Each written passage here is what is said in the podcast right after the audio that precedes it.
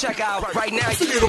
sibuka kakhulukazi ke ulwesithathu lwethu lwezemfundo silikhathanisa nokuthi ke izikole zivuliwe namhlanje eh, abantwana iclass lika 2019 eh silifisela inhlanhla libungena esikoleni. Abanye bawoqala u12 years waba abanye bathi sengiyoyivala sengiyoshaya ugrade 12 abanye kanjalo kanjalo ama grade ahlukahlukene. Othisha school governing board kuzoba inhlangano kube yinini ehlukahlukene. Namhlanje ke sithe ake silande sizoxoxa la nomnumzane ke umchunu macingwane lo. Umnumzane umacingwane usesebenzele umnyango wezemfundo iminyaka eh engamashumi amabili nanye. Eh kanti ke eyishumi nanhlanu yayo isebenze eh, phakathi khona kuhulumeni wasebenza esewuthisha nhloko wesikhungo sezemfundo. Ingakho ke namhlanje sithe ake sizoxoxa naye ngoma sesikhuluma ngemfundo sesidinga abantu abaneso nabanogebhezo libanzi uma kuziwa kwezemfundo akwazi ukuthi ke akhulume nathi ngezinto ezithinta zona imfundo. Macingwane ake sikubingele lokho zini FM ngiyanibingelela shenge ninjani Ntombi? Eh sithokoza kakhulu macingwane eh, esengonyameni. Shenge yebo. Eh kuyasithokozisa eh, umuntu umeke waba uthisha omkhulu uhleze uthisha omkhulu. Akujiki. Ehe. Yebo, ngiyenzela nje ukuthi umlaleli esekhaya eze ukuthi usufikile eh sibheke kumanqampu nqampu eh sizobuya sithole ke eh, ezemidlalo ngonolwazi machiwa kakhumalo kodwa nje eze ukuthi usufikile usekhona thisho omkhulu uyisikhona injukete eh nanokuthi uke wathatha nomhlala phansi eh uthe usuthathile umhlala phansi waphinde walandwa ngenxa yamagalelo akho ukuthi uzolekelela abafundi uzosiza ekutheni bakwazi ukuthuthukisa izifundo zabo. Yebo shenge kuthe mase ngiwuthathile umhlala phansi ngase ngibuye ngithintwa kuthiwa hayi nasi isikhungo sezemfundo esidinga uthisha onolwazi mayelana nezemfundo. Ngase ngiyeza esikoleni lapho kuchibiyela khona abafundi futhi bephinde belungise imphumela yabo makade bengaphasanga kahle. Ngiyakuzwa. Eh macungane konje ekhaya kukuphi la ozalwa khona? Ekhaya kusempangeni shenge oh uzalwe empangeni. Yebo shenge eh ngo okay hayi kulungile siyibambe lapha ngoba abanye uyathi ngokuhlala ngihlala endaweni ukuthi kodwa ngokuzalwa ngizalwe endaweni ukuthi eh sikhuluma nensizwe yaphesheya kothukela. Kunjalo shenge kuphi nempangeni empangeni kwesentambanana Entambama. kwesabamthiya Oh bajabula uyabona kantambanana nezikole zakhona eh, ziyajabula no na- na- na- nabo bonke abaphethe ezemfundo khona lapha i-circuit office bajabula njengamanje. Yebo shenge noma ke i-circuit office ngangingekho empangeni ngangisondini. Ehe. Yebo shenge. Kulungile. Njengabazali kuyasithokozisa kakhulu ukubona eh, izingane zibuyela esikoleni. Siyathemba ukuthi futhi ke bazo eh, phepha baphile. Akho ngane zogula bazongena kwezemidlalo kuningi okuzokwenzeka eh sibambisene siyabazali ama school governing bodies eh nabaholi nje abakhona abangaphakathi kwezemfundo. Sithemba ukuthi konke kuzohamba kahle. Okubalekile ukuthi singabazali eh, asithathe eh, sibe nomgogodla. Izingane zethu singazenzi kuba zibone izinto ezifana nama drugs eh ngamanye amazwi uma kuukuthi ngempela kunesikole okuneshibi eceleni kwakhona sekufuna esukumani niyabazali bikani ukuthi hayibonaba utshwala buphambi kwesango lesikole nabu ugwayi nakho ukuthi nokuthi nazi idakamizwa ziphambi kwesango lesikole. Asikuthandi lokhu singabazali singumphakathi ngoba lapha sifisa ukuthi abantwana bethu basukume baphile bahole iningizimu Afrika yethu. Babamacengwane ake sibuye sizoxoxa la njengomuntu othe walandwa. Kwathiwa ugalagala lwezemfundo. Eh ubilo uthisha omkhulu awuthisha inhloko ubuholi bukuwena. Awuzolekelela abafundi abasuke kade be be- befunde eh, umatriculation base bethi baya upgrade mhlawumbe yini nje upgrade ake siqale lapha indaba. Shenge yeah. Uku-upgrade kusho ukuthi umfundi ufike wambhala umatric. Kwanezifundo akangazenzisisi kahle. Ebese imfundo ephakeme engakwazi ukuthi angene kahle kuyona. Kuye kuthi ke uma esehlele kahle abese eza e- ezikoleni zoku-upgrade la eku-upgrading kusho ukuthi umfundi uzosiqala phansi isifundo asifunde kahle athola ithuba elanele. Bese kuthi ngeexamination elandelayo yonyaka olandelayo asibhale kabusha. Uzobe sethola imaki elisha okuyilona akasezulu eselizosebenza makuukuthi likhuphukile kulokho akade enakho. Ingakho ke sithi ke ukupgrade ukukhuphula umvuza akawuthole esifundweni kodwa esebhala enye iexamination. Ngiyakuzwa. Ukusupplementa ukusupplementa shenge kusho ukuthi kwi-examination akade ibhalile eke ngithi nje nampa abafundi akade bebhale u2018 mhm.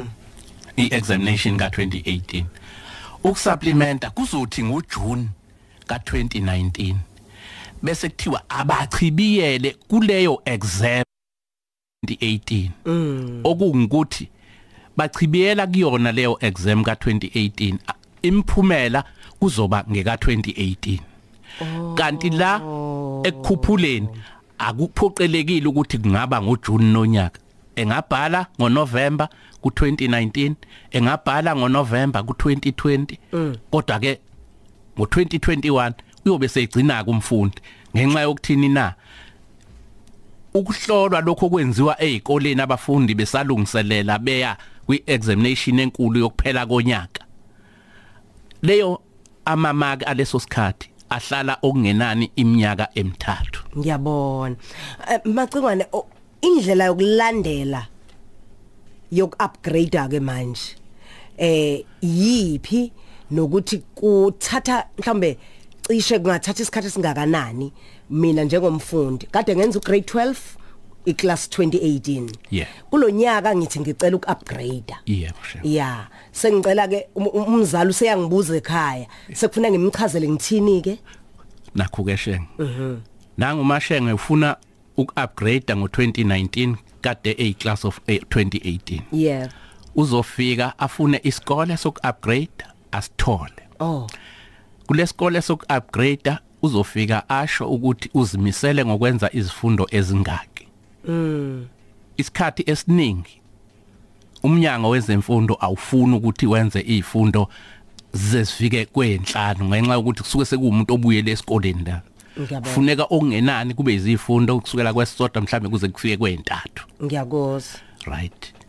Suya register ke kulesikole aha. Kodwa isikole ke mina engikusona sithi uzoregister kulesikole bese uphindele emva esikoleni la kade ufunda khona. Aha. Uyoregistela iexamination yokuphela konyaka. Ukuze ngesikhathi sekubhalwa uzothi wena usuqedile ukuupgrade bese uyahamba uyobhala ke manje iexamination yokuphela konyaka. Okuyiyona isizokunikeza amamaki kumbe akhombisayo ukuthi isifundo ususikhuphulile. Oh isikhungo macingwane okusona sithi ngizokulekelela mfundi unyaka wonke yebo uupgrade yebo kodwa uma usubhala ivivinyo zakho zokugcina zokuphela konyaka. usuzobuyela ngasekhaya la ukade ufunda khona. Usuyobhala ke nabanye bo nabo bonke abanye abafundi. Abazobhala iclass of 2019 Oh ngiyabona. Okusho ukuthi kunokuxhumana phakathi kwesikhungo sakho la okusona njengamanje nesikole la umfundi asuke eqhamuka khona. Iqiniso lelo she yini mhlambe kube njalo? Okwenza angabhali la. Okwenza kube njalo ukuthi ke thina shenge isikole sethu siyisikole esifana nanokuthini esifana nanokuthi abazali baqashe obani ochwepheshe kuphela. Hayi ukuthi si indawo yokubhalela. Kufana nawe uzothatha umntana wakho umqashele uchwepheshe udakaza umfundisa kuphi? Ekhaya. Kodwa thina ke asifundiseli ekhaya. Sinendawo la ukuthi bonke abafundi bafikele khona. Bese sibafundisa sekuyothi ke ekugcineni bese sixhumana ba- ba- bayashesha ukuxhumana nezikole abazobhala kuzona. Njengamanje njengoba siba registera nje ukuthi bathole ukufunda kuthina. E- e- labo ochwepheshe bahluke ngani kothisha? Abajwayelekile abaseyikoleni indlela yokufundisa ke manje. Ake ngithi ke shenge hayi ukuthi ngithi khona abehlukile. Yibo othisha abafundi kodwa siyaqaphela ukuthi ngesikhathi sesibaqoka labo othisha singena ohlelweni oluthi asibheke imphumela yokuphasa kwezikole ezi seduze netheku sibuka ukuthi isikole esithile esifundweni esithile senze kanjani bese siyamqonda lo thisha sithi cha sinohlelo la oluz- oluzosiza abantwana ukuthi bakhuphula amamaki abo esifundweni esithile. Sibonile ukuthi wenze kahle kulesifundo.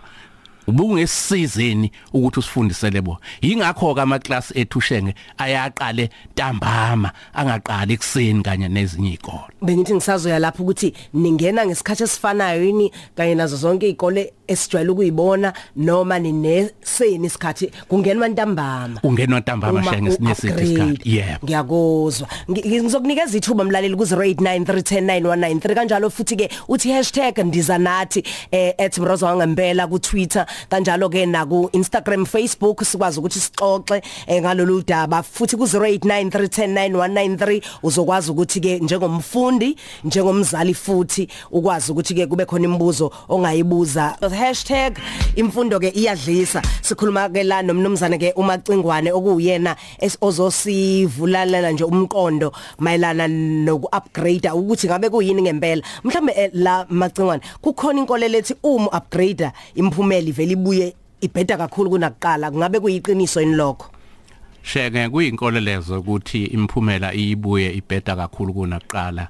Nginobufakazi la abafundi abasuke befundile kuma upgrading schools bayaya ema universities bafike baphase babe odokotela babe ama accountant so ke angikholelwa ekuthenini ibuya ibheda kakhulu. Akulona iqiniso lelo. Kulungile ake nginikeze umlaleli ithuba siza ukuthi ngabe ke mhlawumbe angafisa ukubuzana ukhozi sawubona? Yebo njani? Siyaphila ungabuza dadewethu Siyaphila. ukhuluma nabashini kwanongona yini bengisacela ukubuza ukuthi sikhona yini isikhathi esibekele kanjengokuthi umatric ngenze 2010 ukuthi ngisakwazi ngiya- aku- a- isikhathi sisavuma yini ukuthi ngi-upgrade manje eh umlaleli o- osho okhulumayo manje ngamanje uthi umatric uwenze ngo2010 eh hayi isikhathi sikhona esibekelwe kusukela ngo- ngalezo zikhathi zo 2010 imvamisa u- ukuhlolwa okuye kwenziwe nga- ngasesikoleni ngaphambi kokuthi umfundi abhale i-final examination bekuye kugcinwe esikoleni isikha iminyaka emihlanu. Okungukuthi ke njengoba wena wawenze ngo2010 kwaphela ngo2015 ukuthi uupgrade usungahamba manje uye eminyangweni wezemfundo umnyango wezemfundo ufike mawufuna ukuthi uupgrade izifundo zakho.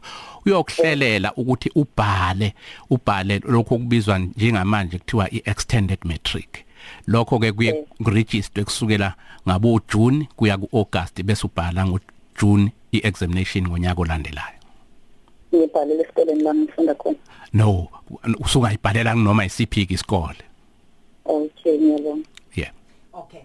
Ukhona nomunye la ngiyabona ku Twitter kanjalo na ku Instagram uthi uphumlani eh ake sithi waqeda isikole ke edlulayo eminyakeni ka 2006 or 2007 uyakwazi yini ukuphinda upgrade noma imfundo ayihambisani. Umbuzo oqala bese etho wesibili omunye umbuzo ake ngithi mhlambe bengifunda mahala eh ngonyaka odlule 2018 ngiyakhokha yini uma seng upgrade ama am- lawo ma subject noma lezo fundo lezo eh engisuke ngingazange ngiwapha ngiyiphasi Eh, kuyehlukana ke la kuphumlana uthi eh ubefunda mahala ngo2018 ehe.